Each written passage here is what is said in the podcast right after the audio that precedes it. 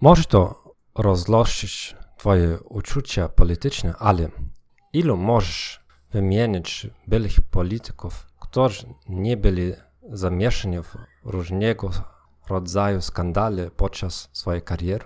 Znalezienie dobrych wzorów do naśladowania w komunikacji nie jest łatwym zadaniem. Idealnie chcemy wybrać kogoś uczciwego, nie tylko dobrzy manipulatorzy. Jeśli masz członków rodziny, którzy świetnie się komunikują i są uczciwi, to wspaniale. W każdym razie sugeruję, abyś odnalazł wzory do naśladowania w tekstach, zarówno w tekstach religijnych, to zależy od twojej religii, jak i w literaturze klasycznej, zwłaszcza w sztukach teatralnych.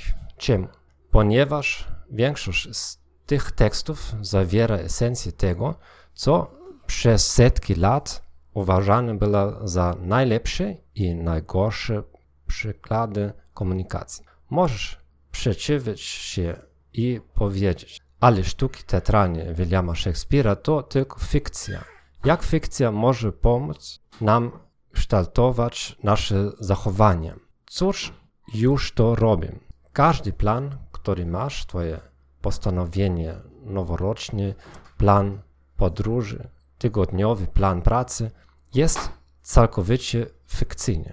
To jeszcze nic prawdziwego. To jest tylko w twojej głowie lub głowie szefa.